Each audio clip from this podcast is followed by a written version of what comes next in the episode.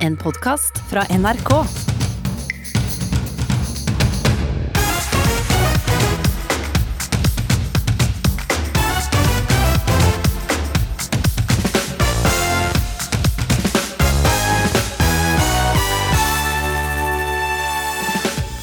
Holde ville dyr i fangenskap hører hjemme på historiens skraphaug, tvitret MDG-politiker.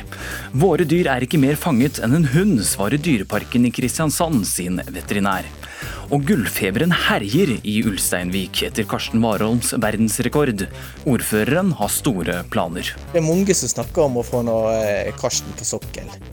Og det å bli ghostet, altså ikke få svar på meldinger, minner om å bli satt på isolat, mener psykolog Katrin Sagen. Velkommen til ukeslutt denne lørdagen. Mitt navn er Philip Johannesborg. Å holde ville dyr i fangenskap for underholdningens skyld hører hjemme på historiens skraphaug. Ja, det skrev MDG-politiker Sirin Stav på Twitter denne uken, etter at mange klaget på at de måtte stå for lenge i kø for å komme inn i Dyreparken i Kristiansand.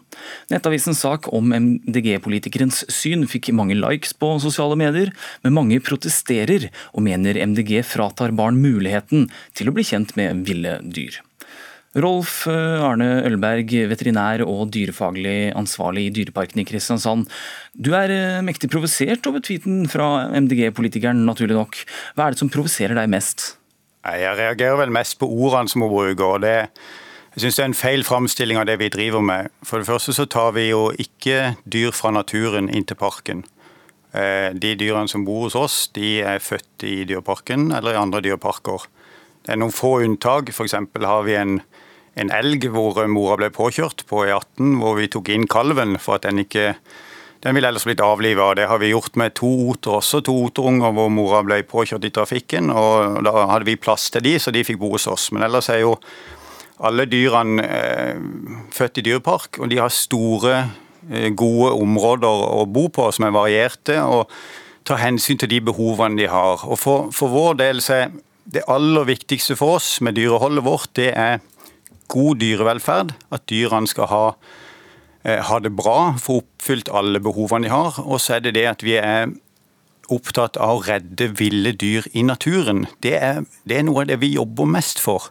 Så det er ikke noen motsetning her mot at det å ha dyr i dyrepark er eh, en motsetning mot ville dyr i naturen. Vi jobber aktivt for å redde ville dyr eh, som er trua for å kanskje forsvinne fra naturen. Dette gjør vi sammen med IUCN, som er verdens største bevaringsorganisasjon. Eh, vi jobber sammen med Regnskogfondet og WWF. Eh, vi har prosjekter i naturen. Eh, og nå driver vi bl.a. nå er jo arbeid for å redde en av Norges mest trua dyr. Mye, altså. Vi har selvsagt invitert Sirin Stav til å utdype sitt syn her i Ukeslutt, men hun kunne ikke stille. Men den jobben den fikk du, den Oda Pettersen. Du er førstekandidat til stortingsvalget for Miljøpartiet De Grønne i Agder.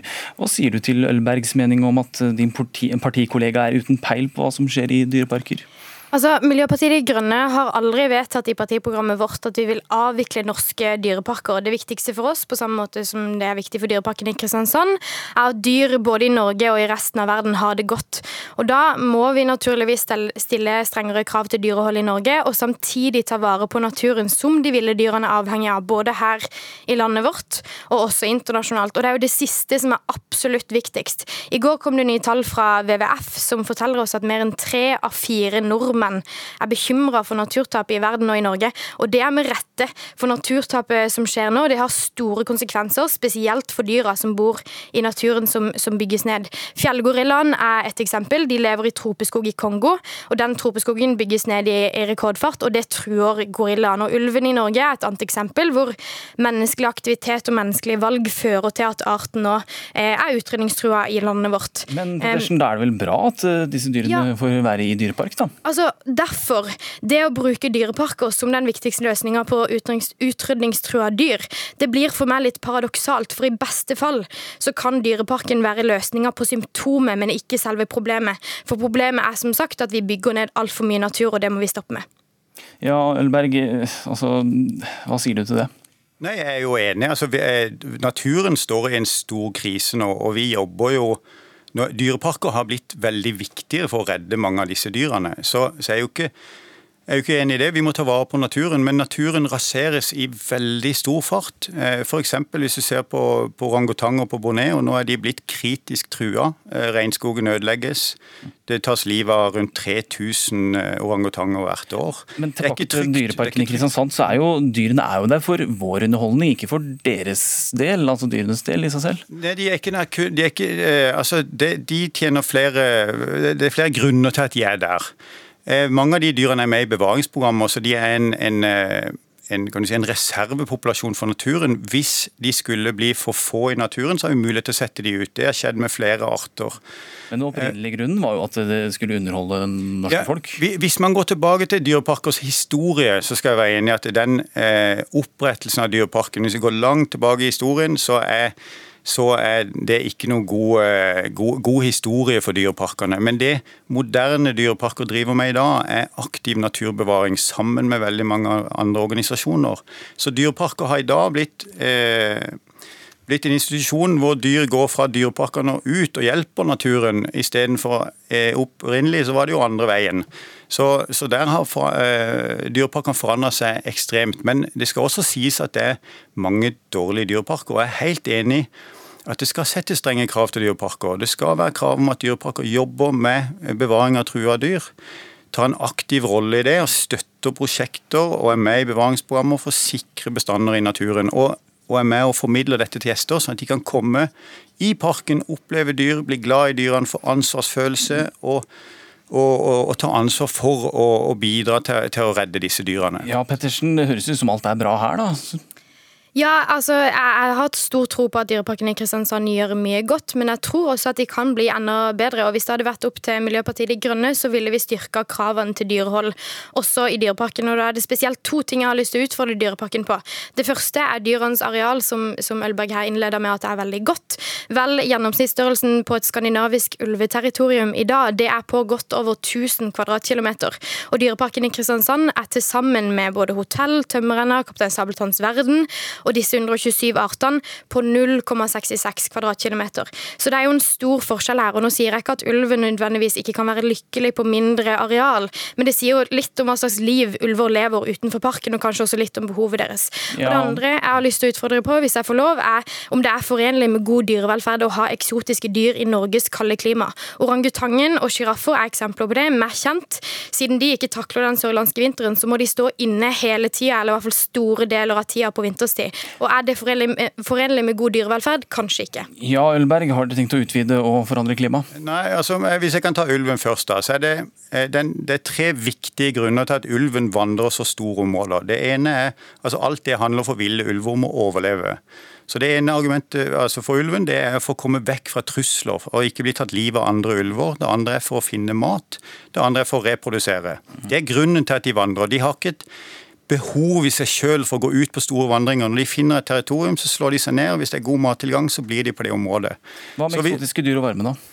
Eksotiske dyr og varme, absolutt. Det strenge, eh, setter veldig strenge krav til oss om å legge til rette for det. Så det, det, er vanskeligere for oss å holde dyr som trenger varme, sånn som orangutangen f.eks. Nå bygde vi et nytt hus til de i fjor til 16 millioner for å lage et svært hus, sånn at de har god plass inne. Og for å legge til rette for alle de behovene de har. Men det er klart det setter enda større Det er vanskeligere for oss å legge til rette for de dyrene som er tropiske, enn de som tåler klimaet vårt. For da er det lett å lage et hegn. Da kan de være ute hele tida. Men vi kan legge til rette for de også, sånn at de har god dyrevelferd. Og Det er det viktigste er det å se på hvilken art, hvilke behov har de for å trives, og at vi jobber med det aktivt hver dag. Og vi er kritiske til oss sjøl. Vi steller, eh, setter mye større krav til oss sjøl enn det lovverket sier. Mm. Så vi, vi, Dette er vi veldig opptatt av. Og helt til slutt, Oda Pettersen, Vil dere i MDG ha dyreparker eller ikke? Ja, altså, som sagt, vi, vi har ikke vedtatt i partiprogrammet vårt at vi vil legge ned eh, dyreparkene. Vi er heller ikke nødvendigvis prinsipielt eh, mot eh, dyreparker. Men, men, til debatten dere hadde i stad, om det er på en måte dyreparken som skal være ansvarlig for de utrydningstrua artene i eh, verden. Det er jo ikke til å legge under en stol at dyreparker er avhengig av å drive butikk. De skal vise frem dyr som besøkende er interessert i å se. og Hvis vi kun lener oss på dyreparker som det viktigste bevaringstiltaket, så risikerer vi at kun de søteste og kuleste dyrene blir tatt vare på. Og Derfor må vi også sørge for at vi tar vare på naturen vår. Da har ikke vi tid til mer her i Ukeslutt, men takk for at dere kom, Pettersen og Ølberg. Flere hundre skogbranner har lagt et røykteppe over den østlige delen av Middelhavet denne uken. Særlig Hellas er rammet hardt. Og Line Løre Olsen, du bor nord i Aten og jobber i hovedstaden. Hvordan merker du brannene? Ja, det har vært eh, veldig vanskelig noen dager her. Det, selv om jeg bor et stykke unna akkurat brannområdet, så er det faktisk sterk røyklukt eh, enda der jeg bor. Så når den åpner vinduet, da, så, så kjenner du den røyklukta. Så vi har holdt, holdt eh, vinduer og alt stengt. da, Bodd inne på aircondition. Det har jo vært en hetebølge her i, i ti dager med, med temperaturer opp i, i, 40 grader. Så det har vært eh, ganske vanskelig og litt uh, skummelt, for å si det sånn. Jeg har jo veldig stor respekt for det her skogbrannene. Og så bruker en jo munnbind da, når en er ute, som er anbefalt av myndighetene. Det er masse sånn partikler i lufta som er farlig å puste inn. Og du og dine kolleger måtte evakueres fra jobb her om dagen. Hva var det som skjedde da?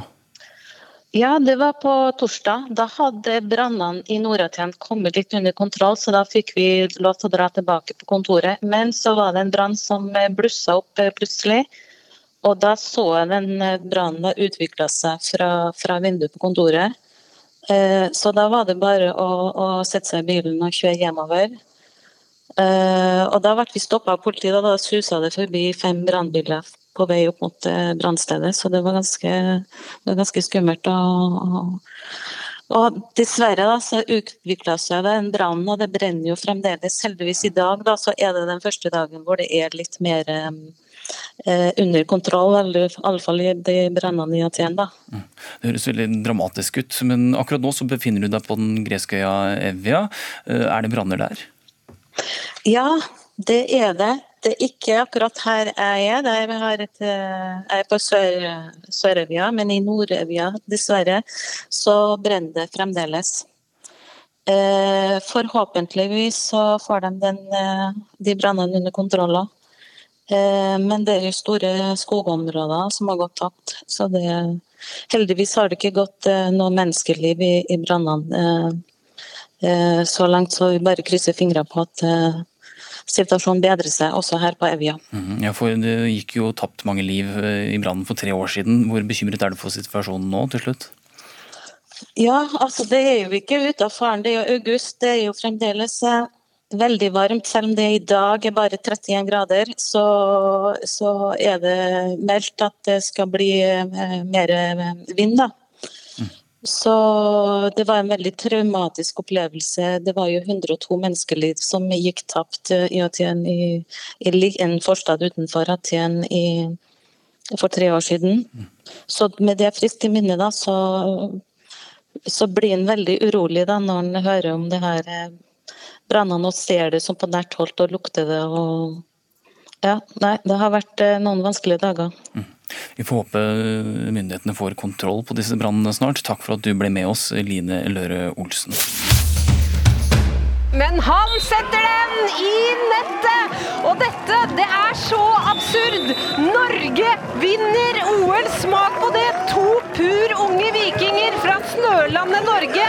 Med lange vintre, kulde, snø og så langt unna de tropiske Ja, det ble gull i natt da den norske sandvolleyballduoen Mol og Sørum gikk seirende ut av finalen. Nå har Norge karet i seg hele seks medaljer i sommer-OL. Da er det kanskje lett å få gullfeber? I bygda Ulsteinvik herjer i hvert fall Warholm-feberen for fullt etter hans rekord og OL-gull tidligere denne uken. Skal Warholm nå på sokkel, eller skal en veibit kalles opp etter ham? Kommunen vurderer flere muligheter. Mamma og manager Kristine Haddal er selvfølgelig stolt.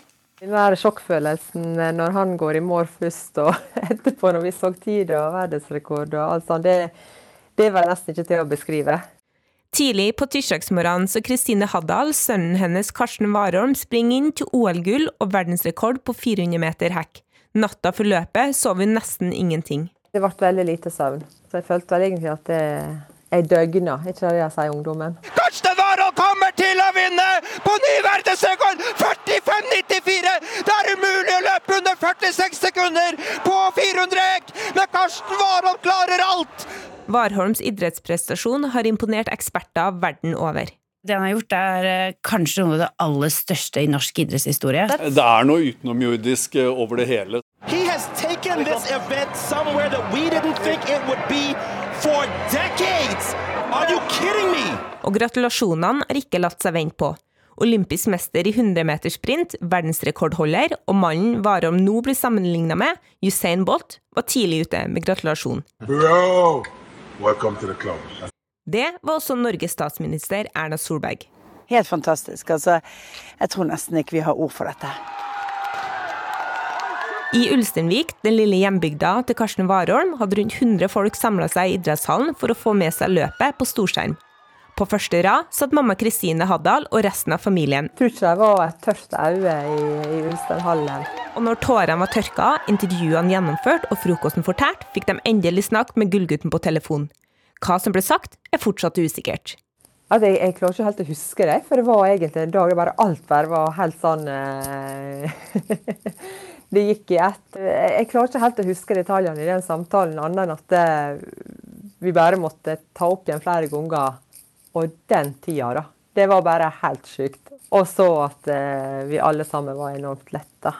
Etter sist sommer-OL i Rio visste de færreste hvem Warholm var. Som undercover-journalist spurte han derfor folk om de har trua på OL-gull i framtida. Navnet hans det er Karsten Warholm. Han var med i OL i Rio. Ja vel? Tror du han noen gang kan vinne OL? Nei. Men vet du hva? Hyggelig å møte deg. Karsten Warholm er mitt navn. Men nå vet alle hvem han er, og i fjor sommer fikk han til og med æren av å spise lunsj med kongen. Og så er jeg blitt spurt mange ganger om jeg helst ville hatt OL-gull, eller om jeg ville hatt en verdensrekord. Og jeg tror jeg helst ville hatt OL-gull. Hva hadde du valgt? Nei, OL-gull, for den blir stående. Ja, den blir det, sant? Du har det for alltid. Det at Karsten Warholm en gang skulle springe inn til verdensrekord og bli olympisk mester, var en tanke som lå veldig langt bak i hodet til hans gamle trener Arve Hatløy. Vi skjønte når han var 15-16-17 år at han kom til å bli veldig god. Men at han ble olympisk mester og i tillegg knuse alle verdensrekorder, så var nok det noe vi aldri tørde å tenke tanken på at det var mulig å få til. Hatløy avslører at det ikke er bare på friidrettsbanen Warholm er best. I konkurransesammenheng da er han alltid best, og, og først eh, i, på, i andre sammenhenger da, da er han best på å slappe av og komme fem minutter for seint, hvis det er mulig. Han forteller at i bygda er det bare én ting folk snakker om nå. Det er vår Warholm-feber eh, hele denne veka, og den kommer nok til å fortsette en god stund ennå. Det er noe han som er samtaleevne i alle sammenhenger nå. Ja, det stemmer nok det. Kristine Haddal, mammaen til Karsten Warholm, bekrefter at det var hummerfeber i Ulsteinvik. Alle er liksom så glad og happy eh, for det OL-gullet, og det er så kjekt å se at eh, folk unner Karsten den seieren. Og ser en kanskje nå hvorfor en har så knallhard på prioriteringene eh, som vi har vært. Og det er klart at det er, det er ekstra godt å få til sånne resultat når en har hatt et sånt fokus over så lang tid. Da. Det er vel eh, det største som har skjedd eh, nesten, tror jeg, i hele Ulsteins historie. I hvit skjorte og blazer og veivende med norsk flagg heier ordføreren i Ulstein kommune, Knut Erik Eng, Warholm inn til seier. Gliset til ordføreren var det ingenting å utsette på. For et løp, altså. Det var eh, smått utrolig, og egentlig en sånn ut av seg sjøl-opplevelse. Og at Warholm skal bli hylla når han kommer tilbake til Ulsteinvik, er det ingen tvil om. Det er mange som snakker om å få noe eh, Karsten på sokkel. Vi får se hva, eh, hva framtida bringer. Mange har også sagt at vi må kalle opp eh, gater og plasser etter noe. Så er det mange gode ideer på hvordan vi kan heidre han. da. Og det å arrangere en hyllest av en olympisk mester er ikke en jobb for bare én person. Vi har satt ned en eh, liten komité som skal begynne å jobbe med det. Det er jo mange som har tatt kontakt da, for at de ønsker at vi skal lage til noe. og Vi må prøve å eh, samle alle gode krefter. Én ting er i hvert fall helt sikkert. Det skal bli en folkefest. Reporter her, det var Runa Leinan. Sender du en melding fem minutter før du skal møte noen for å si at du kommer litt sent? Eller får du ikke flere svar fra hun du trodde du skulle på date med? Slik er verden blitt for dem som har en mobil i lomma. Vi sendte vår reporter ut, Anna Helene Folkestad, for å sjekke om det stemmer at en avtale ikke lenger er en avtale. Eh, jeg tenker at det er mye lettere å bryte avtaler nå som vi har telefon eller kommunikasjon så tilgjengelig. Du har alltid de vennene som du må sitte og vente på i et kvarter uansett hvor tidlig eller sent du kommer. Eh, så er det de som møter deg når du skal. Ja, altså jeg er veldig fan av denne funksjonen hvor du kan bare holde inne eh, meldinga, sånn at du slipper å, at de ser ikke at du har sett den. Det kommer litt an på hvem det er som bryter med deg, men det kan føles kjipt ut. Og samtidig kan det føles ganske digg ut å bryte en avtale du ikke har lyst til å stikke på. Jeg tenker det er veldig mye enklere å gjøre det på en skjerm enn face to face, og at man kanskje blir litt overlegen av å gjøre det på skjerm, for det blir så lett. Hvis du skal noe på kvelden, liksom, så er det jo plutselig ikke orker. Da er det veldig lett å bare skru på Ghost på Snap og bare late som man ikke eksisterer. Ja. Det er ikke en god ting, men eh, det er veldig lett å gjøre det. Vi har med oss deg, Katrin Sagen. Du er psykolog, og som vi hører her, så brytes jo avtaler over en lav sko. Eller folk ghoster, som det heter, bare slutter å svare. Hva er det egentlig som har skjedd med oss? ja, det er vel Jeg tror det har litt sånn sammenheng med dette at eh, smarttelefonen gjør oss tilgjengelig hele tiden. Og det er ganske slitsomt å skulle være liksom påkoblet og hele tiden klar til å svare enhver person. Um, og det orker vi ikke, rett og slett. Så da gjemmer vi oss bak liksom, dette med ikke svare, eller ta av den funksjonen som gjør at vedkommende kan se at du har lest meldingen, sånn at du kan lese og svare når du selv ønsker å være tilgjengelig. Men Er det bare mobiltelefonen som er skyld i dette, tror du? Ikke vet jeg. Det er jo Men det er det krever mer av å avlyse noen når vi ser noen i ansiktet. Og spesielt hvis vi skal komme med en hvit løgn eller skal prøve å snike oss unna. Eh, så er det mye lettere å skrive en melding 'jeg kan ikke, jeg føler meg litt dårlig', f.eks. Men hvis du skal stå og se noen i øynene og vet at du ikke føler deg dårlig, men du har ikke lyst eh, du har bare ikke lyst til å være med ut akkurat nå. Så, så, så lyver du på en måte, og det krever jo mye mer. Vi har også med oss deg, filosof eh, ved Høgskolen i Innlandet, Einar Øvrenge. Hvordan er du til å holde avtaler med venner og familie? De er egentlig ganske flinke til å holde avtaler, må jeg si i all beskjedenhet. Så jeg er en sånn person som har lang og god erfaring i å vente på folk. Eh, så jeg har en sånn i meg, men jeg, levde, jeg har levd et stort og langt liv før smarttelefon, og, og når telefoner var noe som sto fast i veggen, holdt jeg på å si. Så, så, det er klart at jeg, jeg syns perspektivet om at vi er tilgjengelige hele tiden, tror jeg er også en god vei inn i det. Å si at vi er så tilgjengelige at vi, det er mer enn vi orker. Og samtidig så setter jo smarttelefonen den evige reforhandlingen og muligheten til å gli unna. Og så er det jo knyttet opp til noe sosialt her. altså Vi forsøker å finne måter å gjøre det på som, som er sosialt akseptable, istedenfor å måtte si direkte hva du har lyst til og ikke lyst til, og du kan liksom bli tatt på det. Så kan man på mange måter også gli unna reforhandle. Og avtaler nå er jo egentlig bare en midlertidig sak. En avtale gjelder helt til du avtaler noe nytt. Og så bare fortsatte man å avtale sånn, fordi man er allerede i kontakt. Det er ikke noe stillstand. Det er ikke noe sånn rom for ikke-kontakt. Man er liksom logga på, på hverandre eh, hele tiden med den muligheten. Så, så, noen ganger så vet jeg ungdom som sitter og planlegger å møtes en hel kveld, og så blir det ikke noe av likevel, og så har de følelsen av at de møttes allikevel. Ja, hva med deg Katrin Sagen, er det reforhandling hos deg? Ja, litt, men jeg er nok jeg er vel litt sånn gammeldags jeg òg, at jeg holder, holder nok avtalene. Det henger litt igjen det der med at um, det er noe på andre siden man forplikter seg, liksom man blir enig om noe. Men, men uh, jeg, av og til så avtaler jeg på tek... Eller avbestiller jeg litt sånn dårlig tid, eller hva jeg skal si. Hva med den eh, Altså dette med ghosting, altså at man slutter å svare. Eh, er det noe nytt, holdt jeg på å si? Eh, vi har jo i gamle dager het det vel at man tok en dofinte og sånn på fest. Man satt på toalettet, og så gikk man hjem før festen istedenfor. men, men ghosting, det blir jo litt mer alvorlig, rett og slett. I hvert fall liksom psykologisk sett. Når man eh, f.eks. gjør slutt på et kjærlighetsforhold ved å bare ghoste, om det vil si ikke svare. Og så er det jo dette med at man da samtidig er synlig på internett. Så andre kan se at du har vært inne eh, og er tilgjengelig, eller har tatt en snap, eller at liksom, de kan se deg. Og det er det med dette spøkelset som vandrer rundt på internett, som du ikke får tak i, men som har ghostet, ghostet deg. Og det er jo rett og slett ganske, tror jeg, usunt for begge to. Og den som blir ghostet, blir jo er veldig mye sånn rom for, for sånn fortolkningsfeber. Hva var det som var galt? Er det noe med meg? Hva er det som har skjedd? Og så kan man bli helt sånn hekta på hva, var det, hva er dette her, hvorfor svarer du ikke? Man slipper det liksom ikke helt, nei. Nei. Ja, Einar Øvrenge, hvorfor er det så vanskelig å si ifra, tror du? Det er klart det er vanskelig å si fra om sånne ting, men det er litt interessant ordet ghosting, det å bli gjort til et slags spøkelse også. Det altså at du, du ikke blir sett. Og, og, vi vet jo at noe av det råeste holdt å si, mennesker kan gjøre mot hverandre, er å usynliggjøre hverandre. Mm. Eh, og, og, særlig hvis du samtidig signaliserer til at du blir sett av andre, og at du ser andre, men du er den som ikke blir sett. Og det å, å ikke bli bekreftet gjennom å bli sett, mens du ser at det er noen som bekrefter andre og blir bekreftet gjennom å bli sett, så tror jeg det er en ganske tøff opplevelse å bli gjort til et spøkelse på den måten der. Eh, og at folk ser igjennom deg, eller usynliggjort.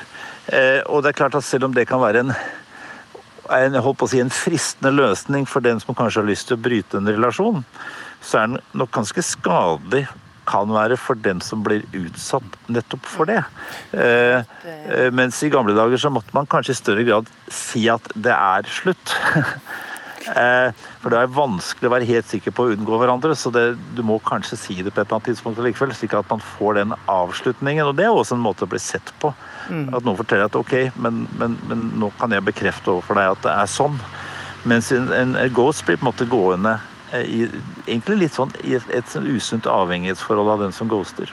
Ja, Katrin Sagen, eh, psykolog. Eh, hvordan føles det å bli ghostet? Mm, jeg er så enig, jeg føler så det avhengige her. og det vi vet jo også at den ypperste straff i fengselet er jo isolatet. sant? Det er det verste vi kan gjøre mot noen. Så det, vi tåler det veldig dårlig. Litt som å bli satt i fengsel, rett og slett? Ja, ja sant. Og det å um, vi, vi, vi, er jo på en måte konstruert som et slags flokkdyr. Vi sier jo ofte det, og det er jo helt på ekte. Og vi bekrefter selvet vårt i, i Vi speiler oss i de rundt oss. Og når plutselig det da speilet later som at du ikke er der, så er det veldig vondt. Det er skadelig. Men eh, før eh, altså Smarttelefonene og sosiale medier, det blir vi jo ikke kvitt. Hva skal vi gjøre da for å bli kvitt disse vannene, Sagen? Jeg tenker jo det dere gjør nå, med at vi prater om det, forteller hvor skadelig det er en bra ting. Og så må vi begynne å øve oss litt på å tørre å liksom være litt sånn reale, rett og slett. Tørre å si det. Og det, det, trenger ikke å være så hardt. Man kan bare si 'jeg er lei meg for at det ikke funker', men det er ikke helt sånn for meg at jeg vil ikke dette, eller det, Man kan bare bruke litt mer ord, så kan det bli en ganske rundt, rundt og avvist. Og så blir det avsluttet, og så blir det bra for begge. Eller vondt, da, men godt vondt.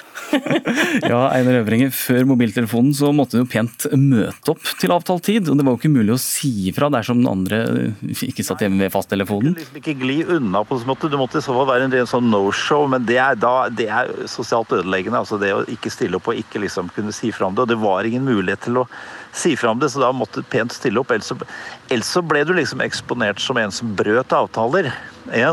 Man kan også minnes på en litt sånn, sånn gammel etisk regel, altså gjøre mot andre som vil andre skal gjøre mot deg. Altså, eh, det er ikke sikkert motivasjonen din er å skade noen, det er ikke sikkert motivasjonen din er at du ønsker å gjøre noe vondt mot en person i det hele tatt.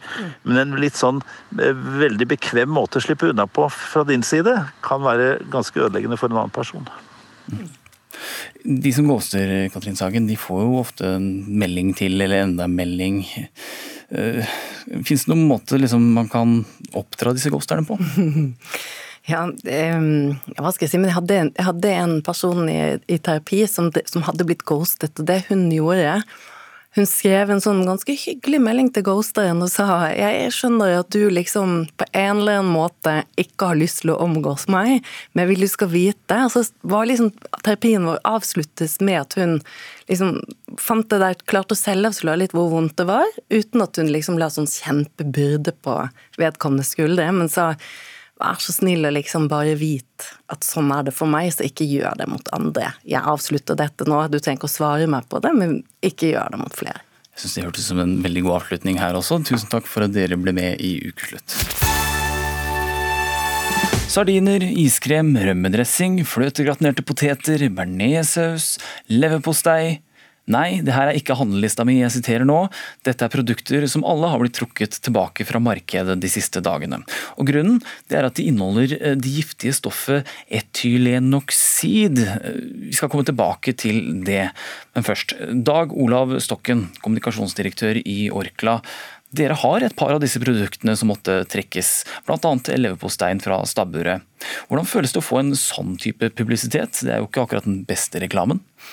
Nei, selvfølgelig. Dette skulle vi gjerne, gjerne vært foruten. Men samtidig når det oppstår, så tar vi det svært, svært, svært alvorlig. Eh, og ønsker også å være tydelig i, i, kommunikasjonen vår. Både hva som har skjedd, hvordan det har skjedd, hva vi gjør med det. Eh, og også tydelig på at det produktet som du kjøper i butikken i dag, det er helt trygt. Hva er det som har skjedd, og hva er det dere gjør? Dette er jo en stor sak som, som har rystet matindustrien i hele, hele, Europa. Omfanget er så stort at vi, vi, vi snakker her om sannsynligvis en, en, svindelsak. Først avdekket i Spania, hvor, eh, hvor det ble funnet etylenoksid i iskrem. og Det ble sporet tilbake til eh, en råvare som heter johannesbrødkjernemel. Og Da går alarmen i hele Europa. Da setter både myndigheter og næringsmiddelindustrien i gang for å avdekke omfanget av, av dette. Eh, vi får melding fra et par av våre leverandører om at det er funnet uh, dette stoffet da, i noen partier som er levert til oss. Uh, og Da settes det i gang et stort apparat hos oss. Uh, vi ber om analyse på samtlige partier som er levert til oss tilbakeover i, i tid. Samtidig så sperres ting på lager. Vi setter i gang også med å avdekke hvilke produkter dette har gått inn i.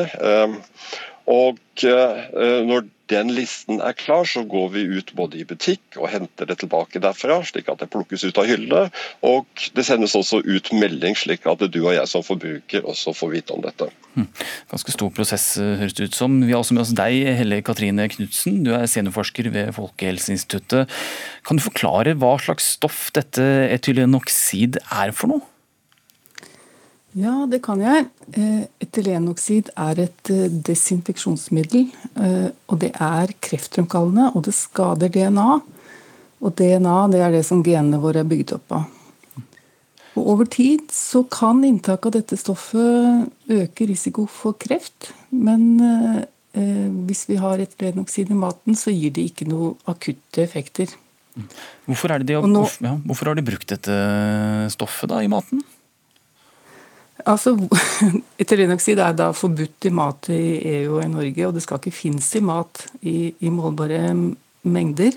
Mm. Men uh, dette johannesbrødkjernemelet, hvordan det havna i det, det, det, vet jeg ikke egentlig noe sikkert noe om. Mm. Men jeg kan tenke meg at de har brukt det til å bli kvitt uh, bakterier i løpet av produksjonen av dette melet.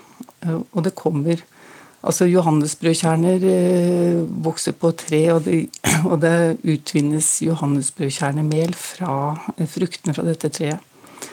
Eh, hvis de har brukt eh, stoffet i produksjonen av melet, så har det kanskje for å bli kvitt bakterier, eh, og som kan lede til matforgiftning. Men Altså, det, det, er ikke lov å bruke det i matproduksjon i EU og i Norge. og Derfor så må produsenter bruke andre metoder for å holde bakterieantallet i maten lavt nok. Bør jeg være bekymret? Ja, det, det, er, det, er, jo til bekymring. Og det er derfor det også er gått ut en, en melding og at det trekkes over hele Europa. Ja, Dag Olav Sokken, kan jeg kjøpe leverpostei nå, eller bør jeg revurdere den eh, lista? Ja, det det kan, du, det, kan gjøre, det kan, du, gjøre, trygt. og Samtidig så er det jo lagt ut på Mattilsynets sider eh, liste over produkter som du kanskje har i hyllene dine, som, som, er omfattet. så Da kan det være greit å sjekke mot den. Men Samtidig så er det et viktig poeng her, sånn, og det er at johannesbrødkjernemel er en veldig liten ingrediens i det ferdige produktet. Så eh, Noen kilo med johannesbrødkjernemel kan bli til flere tonn med ferdig leverpostei. Men det sier også noe om hvor utblandet dette er i det ferdige, ferdige produktet.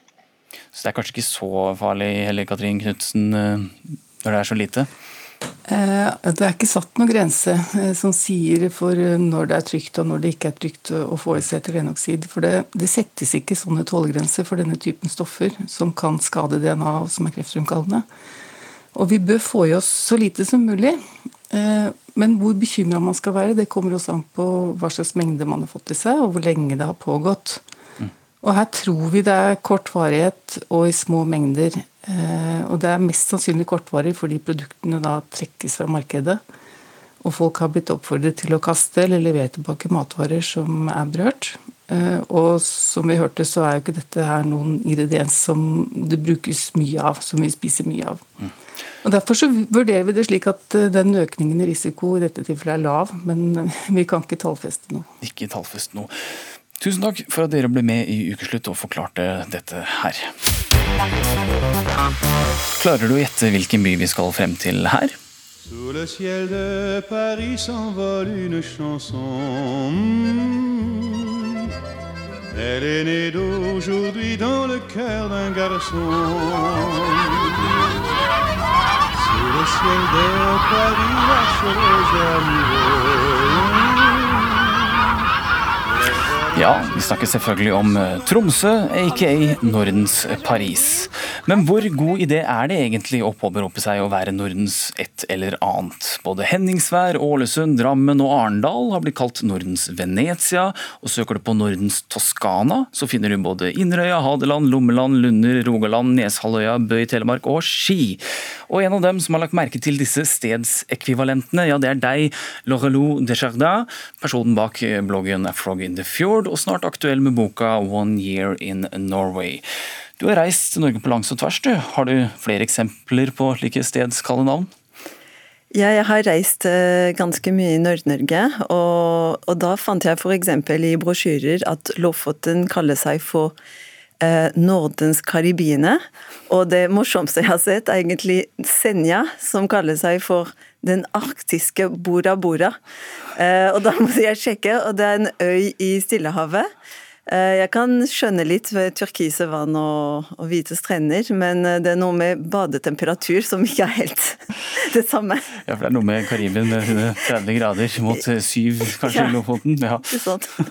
Hva syns du da om at norske plasser kaller seg for Nordens ditt og datt? Jeg syns egentlig at det er, litt, eh, det er litt synd, fordi Norge har så mye å by på. Ehm, F.eks. Lofoten er verdenskjent for eh, veldig mye som ikke fins i andre steder. Um, og det er uh, veldig mye f.eks. i Tromsø, som kalles for Nordens Paris, som hvaler og nordlys og fjell og sjø som egentlig ikke fins i Paris i det hele tatt. Så, så de, kunne, ja, de kunne stå på sine egne bein og ja, stå for litt, litt, litt, stolt av det Norge har. Vi skal til en som er ganske stolt av nettopp Tromsø, nemlig tidligere ordfører der, Jens Johan Hjort. Kan du forsvare dette kallenavnet Nordens Paris, eller? Ja, jeg syns jo absolutt det. Eh, og så er jo fordelen vår da, at eh, vi har fått det utenfra. Det, det var eh, I da, slutten av 1800, på 1800-tallet så kom det noen tyske journalister til, eh, til, nord og ble oppdaget at uh, damene som gikk og, og, og strollet på, på Storgata, hadde på seg så fine klær. Og, det kom jo av fiskehandelen og at uh, fiskehandlerne var nede i uh, bl.a. Paris da, mm. og kjøpte kjolestoffet med hjem. Og så fikk eh, disse tyske journalistene denne assosiasjonen. Så vi har ikke eh, gitt oss det navnet selv. Men eh, jeg syns jo fremdeles at Tromsø har visse likheter. I dag har vi én grad mer enn Paris, bedre vær. Vi har Arctic Race of Norway, som vi da gjennomfører i samarbeid med arrangøren av Tour de France. Mange flere eksempler. Men eh, Tromsø står veldig godt på egne ben. Ja, for det, nettopp det, I et markedsføringsperspektiv så trenger man jo kanskje ikke denne Paris-sammenligningen lenger? Nei, eh, det, det, gjør vi ikke. og Personlig så ville jeg kanskje foretrekke om vi kalte oss uh, hovedstaden i Sápmi. For ingen tvil om at det som besøkende var mest opptatt av når de besøkte meg på rådhuset utenfra, det var vår, vår urfolkstilknytning og, og det samiske. Så det kunne kanskje være noe vi kunne profitere på fremover. Ja, for det har jo ikke Paris eh, så mye av, eh, så vidt jeg vet i hvert fall. Men eh, vi har også med oss deg, Ingrid Evertsen, også kjent som Mossa. Du er skuespiller og standup-komiker. Du kjenner jo Tromsø kanskje bedre enn de aller fleste, kan noen si. Vil du si at Tromsø klarer å hamle opp med Paris, eller? Ja, absolutt. Men Tromsø eh, bør være mer stolt av egen identitet. Jeg er veldig enig med, med Hjort, og jeg er veldig enig med første eh, debattant, den franske damen som jeg ikke klarer å huske navnet på. Tromsø har jo et særpreg som er fantastisk, og Tromsø er jo solidaritetsby nummer én i Norge som stiller opp for, for, folk som har det elendig. Og det er Tromsø ganske unik på i, i sammenheng med, med, tanke på antall innbyggere. Men jeg vil jo òg si at enda har vi jo disse gamle moloene som går ut i Tromsø. Det heter jo ikke molo i Tromsø, det heter jo cheté. Vi går på chetéen, altså. Så det, det, er helt vanlig. Så noe sitter jo igjen fra det her eh, Nordens Paris. Men jeg vil òg si et navn som eh, vi ikke må glemme, som Tromsø også er, nemlig porten til ishavet. Mm. Og det tror jeg faktisk er et tilnavn som Tromsø har, som er mye viktigere for, for innbyggerne i Tromsø, og eh, som folk er veldig veldig stolte av. Her kom skuten, her samla de, her bunkra de og reiste til ishavet. Her kom de hjem, det var fest på kaien. Og uh, vi har et, et, en liten bydel som heter Bukta i Tromsø. Det var veldig mange av de folkene der som var gasta om bord i de båtene. Og det var mange ganger det eneste kjøttmåltidet de folkene fikk, nemlig når far, onkel, bror eller hva det måtte være, kom hjem med kobberkjøtt. Det er altså mye historie å ta tak i her, men eh, Lorelo da. tror du Norge har et slags mindreverdighetskompleks, eller er det bare dårlig fantasi det er snakk om? Ja, jeg tenker at eh, det, det, er mange som vil vise hvor Norge er på kartet, på verdenskartet, og da er det lettere å si ja, men det er Nordens Paris, det er Nordens Venezia osv. Men nå har Norge fått såpass høyt plass på en måte i verdens uh, turismeverden osv. Og, så og det er så mye eksotisk her, egentlig, selv om nord nordmenn ikke alltid ser det. Uh, jeg har sett spanjoler som var på ferie på Senja f.eks., for, eksempel, for de, de syntes at det var så eksotisk der. Og så ser du veldig få nordmenn fra Oslo f.eks. på sommerferie på Senja. Du fortalte meg til og med at det er en yoghurt i Frankrike som heter Fjord, med Ø. Ja, ja det er en litt irriterende trend for de franskmennene som meg som kan norsk. De kalte det for fjord, men det var ikke norsk nok, så da kastet de inn en ø. Så nå, nå heter den fjord. Og så har de nå ny tøymidler med skandinavisk duft. Eh, og, og sånn, de, de, bruker Skandinavia som markedsføringsverktøy. Mm. Eh, ja. ja, altså Skandinavia er populært i utlandet, kan man si. Det er kjempepopulært. Eh, og jeg tenker at de som kommer til Tromsø f.eks., kommer ikke for å ha en Paris-følelse, de kommer for å ha en Tromsø-følelse. ja, Jens Johan Hjort, eh, tidligere ordfører i Tromsø. Eh, du har jo vært mye i utlandet. da. Hva er det de sier om Tromsø der? Ja, jeg har et eksempel. Jeg var og holdt et foredrag i, i Brussel i 2013 eh, for byråkrater og politikere i, eh, i, EU. Og rett før jeg skulle på, så kommer det en, eh, en dame bort og spør meg Are you really the mayor of Tromsø? Og, og med, med, veldig trykk på 'really', da. Og jeg måtte jo innrømme at jeg var really the mayor of Tromsø. Og, og så var svaret da oh, it's amazing, you don't look like a fisherman at all. Og, og, og, det var jo, altså, eh, Tromsø er jo virkelig tuftet på fiskerier, eh, men, men det sier jo litt om forestillingen om liksom at uh, Tromsø er en liten plass oppe i isødet med isbjørner, og, og, man vet kanskje ikke nok om at det er en universitetsby med fantastisk infrastruktur og um, masse, masse spennende å, å by på. Så vi, um, vi må hele tiden være fremme i skoene for å markedsføre den eh, beste byen i, i verden, eh, som står veldig trygt på, på, egen kjøl. Ja, Ingrid Eversen, det er jo mange som kaller seg Nordens et eller annet. Er det litt for lett, tror du? Er, vi er jo gode nok, virker det som? Ja, vi er gode nok, men, men jeg tror jo også det her med Norge og det er også så skandinavisk duft. Men jeg, jeg tenker jo òg at den dufta kunne ha kommet litt bedre frem. For vi kan jo f.eks. kalle Finnmark for Nordens Las Vegas. For der spilles det jo bort både natur og ressurser oppe i Finnmark. Altså, De fyller havet med gruveslam. Så jeg vet ikke hvor flott folk virkelig hadde syntes det var, hvis de ante hva vi holder på med her borte. Og det er jo som i Tromsø. Du bor i Storgata, hele byen er innebygd. Så du, du, du, kan jo likevel, hvis du ikke er fra byen, så kan du jo våkne opp og tro at du er på Hedmark, for du ser jo ikke en, ser jo ikke en skvett sjøvann. Så ting har jo forandra seg kolossalt.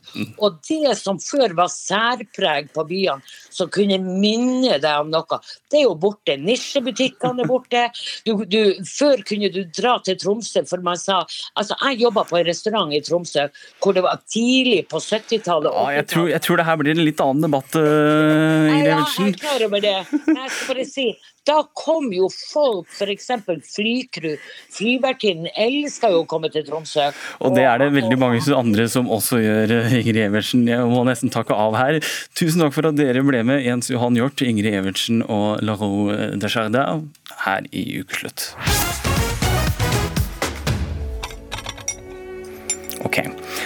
Se for deg at du befinner deg i en middag, gjerne en litt stor familiemiddag, hvor onkler og besteforeldre er godt representert. I det fjerne så hører du den engasjerte onkelen din som nekter for at det finnes klimaendringer. Han sier Hvorfor skal vi i lille Norge gjøre noe med klima? I Kina er det jo mange flere folk. Eller, eller kanskje bestemoren din som sier De er så hysteriske, de unge. Vi har da hatt hetebølger før også. Hva gjør du da? Jo, Nora Junge Ilges Heyerdahl, du er forfatter av boka OK Boomer og andre ting du kan si til onkel om klima. Tror du mange kan kjenne seg igjen i en slik situasjon vi satt her? Ja, det tror jeg, og det var jo derfor jeg skrev den boken. Fordi eh, veldig mange kan kjenne seg igjen i at man krangler med folk man er glad i om klimaendringene. Og det er en del forskning som viser at unge folk i Norge er mer opptatt av klimaendringene og mer opptatt av at vi skal gjøre noe med det fort, enn det kanskje en del voksne er, som Eh, er opptatt av at det ikke skal gå så fort. da. Så jeg tror at veldig mange kan kjenne seg igjen i at eh, man kan få noen sånne situasjoner. og En ting er jo oss aktivister som oppsøker eh, klimapraten, men hva med alle som som litt sånn ufrivillig blir dratt inn i sånn Å, men skal du ha vegetarpølser og liksom harselerer. Og, og, så Da kan det være lurt å ha tenkt gjennom litt på forhånd hva man skal si. da. Mm. Ja, for Det virker jo som det er veldig mange følelser knyttet til Masse følelser. tema klima. Utrolig mye følelser. Og jeg har, eh, jeg har tittet litt på noen Facebook-poster og sånt. og Rent generelt, eh, hva slags takling eller metode vil du anbefale hvis du har en eh, rivende uenig vrang onkel i et selskap som du må forholde deg til? Stort sett det motsatte av det som er instinktet ditt. Så hvis du får lyst til å, hvis noen sier at eh, elbiler er eh, verre enn fossilbiler, så har du kanskje bare lyst til å bitchslappe dem i trynet med, eh, med en eller annen rapport som sier det motsatte, fordi du vet at det er sant. Eller tvinge dem inn på faktisk.no eller noe sånt. Men hvis, det kan du jo sikkert, du som hører på, kjenne deg igjen i. at hvis du hvis noen starter en samtale med å kritisere deg, så er du ikke så veldig mottakelig for det de har å si. Mm. Så eh, det man bør gjøre, er kanskje å holde hodet kaldt. Prøve å løfte blikket istedenfor å gå inn i veldig sånn detaljerte faglige spørsmål. Stille åpne spørsmål, f.eks.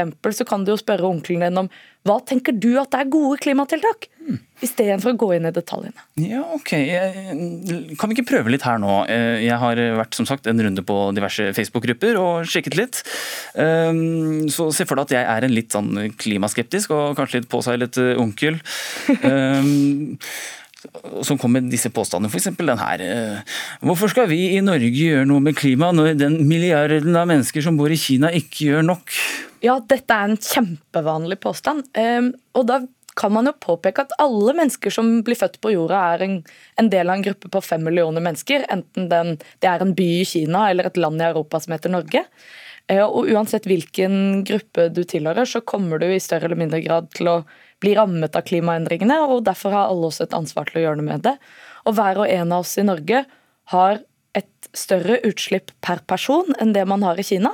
Så selv om det er mange flere mennesker i Kina, så har vi et like stort ansvar som enkeltmennesker, kanskje til og med større fordi vi har så mye penger og har sluppet ut veldig mye CO2 historisk enn det de har i Kina. Hva med, den, eh, hva med den klassiske Det er 40 grader i Hellas og flom i Tyskland, det er helt naturlige svingninger i temperatur dette er, for det har jo vært varmt før også. Hva vil du svare til noe slikt? At denne påstanden er jo litt annerledes fordi den er, det er ren klimafornekting. ikke sant? Så det kan være vanskelig å komme noe sted på den ene julemiddagen. Så da er det viktig å jobbe litt sånn langsiktig med å plante et frø. Kanskje stille spørsmål istedenfor å gå inn i liksom detaljene. Spørre sånn Hva er ditt forhold til naturen? Og så jobbe med det, da. Men helt konkret så kan man jo si at det har alltid vært ekstremvær. Forskjellen er at nå kommer det mye oftere fordi klimaet forandrer seg, det blir varmere og varmere. Og når man får flere hundreårsflommer på ett tiår, så er det klart at eh, noe er gærent. Men eh, finnes det da en slags en, Er det en grunntanke som folk burde ha i hodet for ikke å slå onkelen sin med en stekepanne, som du sa? Ja, um, når det gjelder å ikke slå onkelen din i hodet med en stekepanne, som jo kanskje kan bli det man har lyst til, så, um, så, sier egentlig forskningen som jeg sa i sted, at man må gjøre det motsatte av det man vil. Stekepanne er et veldig dårlig virkemiddel. Um, du må stryke medhårs, lirke fram, stille åpne spørsmål og ikke minst lytte. Det viktigste du kan gjøre, er å vise at du lytter, um, for da er sjansen for at de lytter, større. Da er det vel bare å glede seg til neste familiemiddag. Ja, lykke til. Takk for at du ble med oss her i Ukeslutt, Nora Jonge Ilges Heierdal. Tusen takk.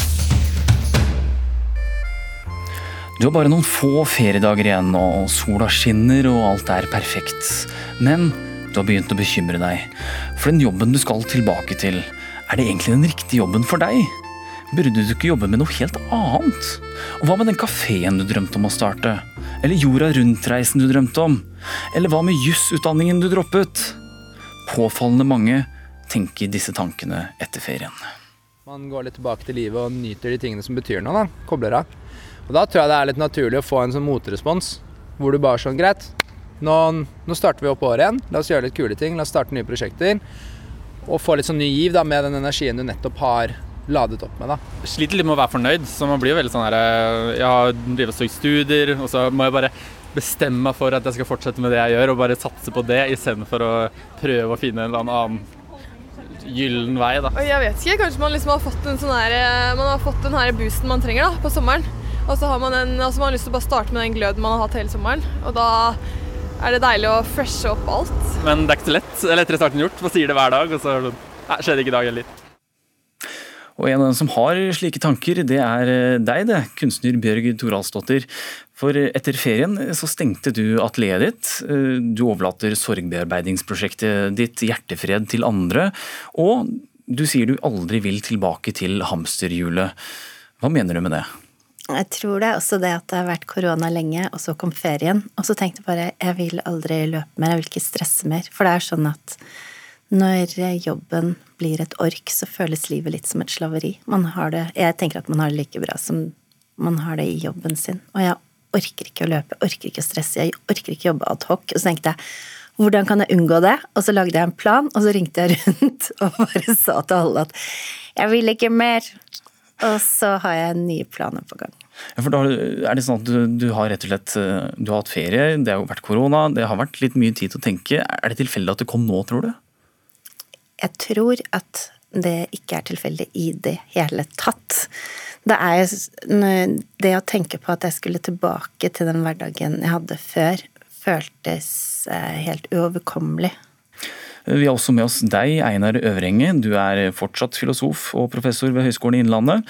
Har du lyst til å forandre livet ditt eh, etter ferien? Mm, eh, ikke nødvendigvis, men, men, det er kanskje ikke så rart om sånne tanker oppstår eh, på bestemte tidspunkter. Og, eh, og, jeg har jobbet mye med en filosof som heter Martin Heidegger, og han sier at når ting bryter litt sammen, Altså, når Vanene og rutinene og hverdagen, og det gjør det til en viss grad i ferien, for man begynner å gjøre helt andre ting, så blir det synlig for oss på en helt annen måte at uh, vi må ikke nødvendigvis leve på noen som helst bestemt Vi må leve på en eller annen måte, men det er ikke noen bestemt måte vi. Vi kan faktisk gjøre noe annet. Det ligger der hele tiden som en mulighet. Men i dagliglivet så havner vi veldig fort inn i en slags absorbert tilstand hvor ting går av seg selv, rett og slett. Slik at sånne tanker dukker ikke så lett opp. Men eh, si at du har eh, liksom vært på hytta en hel sommer eh, og kjenner at det er egentlig veldig deilig, og kanskje bør du bare være der. Er det en god ting å da realisere den drømmen om å være på hytta resten av livet? Fortsette å være der? Ja, jeg tenker at liksom Livet er jo uansett ikke en ferie, så hvis det er den tilstand opplevelsen du har på en ferie du ønsker å ha hele tiden, så, så, får du et problem, for da vil det bli en slags dagligdags tilstand. Jeg vet ikke, du vet, Pippi vet du, hun gikk jo ikke på skolen, men hun, hun vurderte å begynne på skolen, og det var én grunn til det. For hun opplevde at Tommy og Annika de gikk på skolen, og derfor fikk de ferier. Mens hun gikk ikke på skolen, og derfor fikk hun heller ikke ferie. Ja, du Bjørg Thorasdottir, du har jo tatt pause fra den norske hverdagen flere ganger. Du har bodd på Hawaii og Bali. Blir det ikke også utfordringer der, kan man si? Altså på disse stedene som man vanligvis forbinder med ferie? Jo, men det jeg opplever er at du får en helt ny hverdag. Så du tar deg selv og min bitte lille familie, som består av bare sønnen min, eh, til en helt annen virkelighet. Du er jo forundra over at ikke flere velger å følge drømmene sine. Eh, har du selv tatt valg du angrer på? Jeg har faktisk aldri tatt et valg som jeg har angret på, men jeg har angret på ting jeg ikke har gjort. Og det tror jeg de aller fleste sier også når de ligger på dødsleiet. Ja, filosof Einar Øvrenge, er du enig i dette, at man bør følge drømmen? Ja, jeg syns iallfall man skal være bevisst at man har et liv, at man står ansvarlig for dette livet. At livet i veldig stor grad handler om å, å, ta valg og gjøre det ene fremfor det andre. Altså Uansett så kommer det til å gjøre noe, og du kan ha et bevisst forhold til det du gjør, eller ikke bevisst forhold til det du gjør. Så jeg er veldig enig i det. Og det ligger jo der som også en form for litt skummelt og litt skremmende. altså Filosofen Kirkegård snakket jo virkelig om å litt miste litt grunnen under føttene, rett og slett. altså Man begynner å reflektere over det. Fordi det er kanskje ikke noe annet du har å falle til på enn de valgene du faktisk tar. Og det er et spørsmål, Er det du som tar de valgene, eller lar du omgivelsene ta de valgene? Men Hvis man da f.eks. har øh, kommet på at man øh, helst vil jobbe som snekker, da, og er egentlig utdannet sosialantropolog, øh, kan det bli for drastisk, disse, disse valgene? Det, det, det, jeg tror folk tar veldig drastiske valg innimellom. Jeg tror overhodet ikke det. Da, da begynner man å, å, å, lære noe nytt, og fortløpende gjennom livet så driver man jo og lærer nye ting uansett. Så jeg kan ikke tenke meg at det er noe som Eh, som, som, sånn sett er umulig i forhold til altså Jeg tror ikke jeg kan vinne OL i stavsprang, selv om jeg liksom har lyst til å gjøre det. Men jeg kan vel sikkert begynne å øve hvis jeg har lyst til å gjøre det. Men, men at vi i hvert fall har den muligheten til å, til å innrette oss på en annen måte og, og, gjøre andre ting. Og vi driver jo sånn glir jo over i nye måter å leve på hele tiden. Men er ikke, vi er ikke så alltid så klar over det, og kanskje er det viktig at man blir litt klar over det. Og kanskje man ikke skal bare la seg drive av omgivelsene heller. Ja, Bjørg Thorasdottir, har du nå nye drømmer? Du har alltid mye på gang. Ja, Grunnen til at jeg har liksom bare rydda plass, er fordi at jeg brenner for at folk skal tørre å leve ut sine drømmer, og skal tørre å leve det livet som de ønsker. Og det å tørre å følge hjertet sitt og den indre stemmen du har. Um, og at du forstår at du har kommet hit til verden for å leve ditt liv, og at du er din egen virksomhet. Så jeg har startet et prosjekt som heter Destinasjon glede, hvor jeg har med mennesker fra januar til januar, hvor de selv kan finne ut hva deres drøm er. For jeg har jo ofte kvinner som kommer opp til meg når jeg holder foredrag og sier Um, du snakker om å drømme, men jeg vet jo ikke hva drømmen min er engang. Mm. Så jeg tenker det å komme i kontakt med seg selv, og det tenker jeg det er noe som man ofte gjør i sommerferien, når dagene er stille og rolige, og du er borte fra rutinene, og du er helt til stede. Da kommer denne lille stemmen, og så snakker den høyere og høyere, og til slutt så snakker den så høyt at du ikke klarer å overse den. Ja, Einar Øvrengen, det blir ikke stavsprang med det første på deg? Nei, det gjør nok ikke det, altså. Det, man kan jo selvfølgelig begynne å øve, men det blir nok ikke spesielt høyt. Det er ikke det at jeg drømmer om det. Tusen takk for at dere var med i Ukeslutt denne lørdagen. Vi skal nå ta inn et løp i OL som veldig mange er opptatt av, nemlig finalen på 1500 meter med Jakob Ingebrigtsen. 300 meter igjen! Kipsang prøver å hente de to, men han er 7-8 meter bak. Det er 250 meter igjen. Cheriot drar og drar. Det er et drømmeopplegg for Jakob Ingebrigtsen. Hvis Cheriot vinner nå, så er han bare bedre. 220 meter igjen, 200 meter igjen. Jakob hele tiden i, i rygg på Cheriot, som går inn i svingen. Han venter og venter. Jakob Ingebrigtsen, hvor mye har han? Han å kjøre med. Køren nærmer seg bakfra, og da går Jakob Ingebrigtsen! Kan Cherry svare? Det ser ikke sånn ut med en gang! Han får to-tre meter, Jakob Ingebrigtsen med 80 meter igjen! Så glir han ifra! De klarer ikke å hente Jakob Ingebrigtsen! Han er fullstendig suveren! Stortalentet som har utviklet seg år for år. Han blir verdens beste på den dagen som gjelder som mest. Oi, oi, oi, for en timing! Og på 1500 meter så har vi en olympisk mester. Og der fikk Norge nettopp en ny olympisk mester i Jakob Ingebrigtsen på 1500 meter. Det var Jan Post og Vebjørn Rodal som kommenterte. Og vi gratulerer her i ukeslutt med gullmedaljen, og vi holder oss litt til tema gull. La oss ha sommerspalten.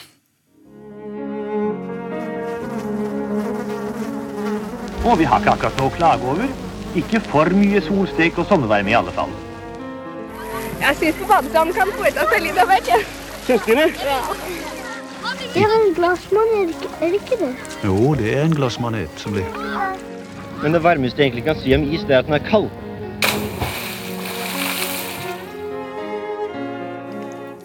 Ja, det er igjen tid for ukeslutts sommerspalte, stedet hvor vi går kjemisk til verks for å finne ut av hva sommeren egentlig består av. Og hvis du ikke er en av dem som har bodd under en stein de siste ukene, eller for så vidt det siste minuttet, så har du vel fått med deg at det er sommer-OL i Tokyo. Edelt metall har blitt delt ut og skal deles ut til de flinkeste, bl.a. Jakob Ingebrigtsen nå nettopp. Eh, de flinkeste det er dessverre ikke deg, Alexander Torv, i hvert fall ikke i OL-sammenheng. Men du er jo førsteamanuensis i organisk kjemi eh, og har ganske mye peiling på disse metallene og medaljene som blir gitt ut. Eh, I dag skal vi snakke om gull. Hva er det som gjør egentlig gull så ettertraktet? Nei, altså Det er jo flere grunner til at vi deler ut disse gullmedaljene som den ypperste gjeven du kan få. Men en av de er jo at det er sjeldent. Og det trengte ikke du å få meg til å komme her for å si. Men det er akkurat riktig mengde sjeldent, fordi at det er så sjeldent at det er verdifullt. Men samtidig så er det akkurat nok av det til at vi kan lage penger ut av det. Så det er mange historiske grunner. Men så er det klart at en annen grunn som er minst like viktig, er jo kjemisk. Eh, hvis vi skulle giftet oss nå, Philip, og jeg ga deg en gullring, så var det med symbolforståelse om at denne gullringen var til evig. Eh, sånn som ekteskapet vårt. Og Tanken er altså da at gull er kjemisk ureaktivt. Det betyr at en gullklump kan vare i tusenvis av år uten å bli spist av verken luft eller vann. Ja, så det blir ikke påvirket på noen yt av ytre hendelser, holdt jeg på å si? Nei, det er derfor det kalles edelt, faktisk. Ah, det visste jeg ikke, men da skjønner jeg hvorfor man henger dette materialet rundt halsen på de som vinner det ypperste av det ypperste, f.eks. i OL. da. Men hva med sølvet, er ikke det like kult, kanskje? jo, jeg syns jo at sølv er minst like kult, men sølv er litt mindre sjeldent, og så er det reaktivt. Og dette har mange sett, fordi hvis du har sølvtøy hjemme, så ser jo du at det er en årlig bedrift dette her, å rense og pusse sølvtøyet. Og det er nettopp fordi at sølvtøyet lar seg reagere med luft og vann i atmosfæren rundt, og da får du dette brune belegget ytterst. Hmm. Men tilbake til disse gull- og sølvmedaljene. Hva er det som da egentlig skiller disse gull- og sølvmedaljene i OL, f.eks.? ja, nå har vi nettopp fått OL-gull her, og jeg skal ikke regne på den paraden, som det heter, men forskjellen mellom en gullmedalje og en sølvmedalje i Tokyo-OL er 1,2% 1,2% hva? Nei, egentlig gull. Det er 1,2% gull ytterst på medaljen til førsteprisvinneren. Resten er sølv. Oi, det er, jo, det er jo litt trist da for Jakob Ingebrigtsen. Kanskje, han hører kanskje ikke på akkurat nå, men Nei, altså det, det, er klart at skulle den være av ren gull, så på et eller annet tidspunkt så Tenk om mange gullmedaljer som skal deles ut i OL. Dette skjer jo ikke det sånn det skjer hele tiden, dette OL-greiene. Jeg syns iallfall det. Og da, år, ja. da blir det jo mindre gull å dele ut. Og så kan jeg bare skyte inn at Tokyo-OL-medaljene er laget av resirkulert metall, altså gull og sølv og kobberet er kommet fra f.eks telefoner som blir resirkulert. Det visste jeg ikke. Men eh, hvis vi tar for oss sølv, da, hvilke gode sider vil du si det har? En av de gode sidene er jo at uh, vi staser oss med det. altså Fint sølvtøy og bunadssølv f.eks. En annen, og dette vet kanskje ikke alle, det er at det dreper bakterier. Så en av de gamle bruksområdene til sølv, en skei f.eks., eller en mynt, det var at du lå det oppi vannkaraffelen din, og så drepte det bakterier da, som var i vannet. Kan man fortsatt gjøre det, holdt jeg på å si? Ja, det er klart vi har kommet litt lenger på den fronten, for nå er det ikke bakterier i vannet vi tar for springen, men altså, alle monner drar. Noen drar. Eh, det er jo én ting vi har glemt å snakke om, nemlig bronsen. Den har kanskje fått litt lite oppmerksomhet, selv om den har en hel, sånn, den har en hel alder oppkalt etter seg. Hvorfor setter vi ikke mer pris på bronsen? Nei, altså, Bronsealderen har jo vært kjempeviktig for oss mennesker, selvfølgelig, sånn som du sier. Men eh, det er klart at etter hvert som vi fant opp andre nymotens ting, sånn som jern og eh, f.eks. aluminium, så ble bronsen litt utdatert. Men vi skal ikke glemme bronsen i det hele. Det er viktig, det òg. Hvorfor det? Nei, det er klart at det er jo Vi kan bare ligge til at bronse faktisk ikke er et metall. altså Det er et legering, det er så det er kobber. Og kobber og Tinn. Tinn, ja, nettopp. Jeg tror det nesten får bli siste ord i sommerspalten for i år, Alexander Sandtorv. Man sier jo at taushet er gull, så nå sier vi takk for nå. Takk for at du ble med i Ukeslutt denne sommeren, Alexander Sandtorv. Ukeslutt går mot slutten, og ansvarlig på sendingen det var Kari Li. Teknisk ansvarlig det hadde Marianne Myrhol, og i studio, ja, det var meg, Filip Johannesborg. Og da gjenstår det bare å si god lørdag. Du har hørt en podkast fra NRK. Hør flere podkaster og din NRK-kanal i appen NRK Radio.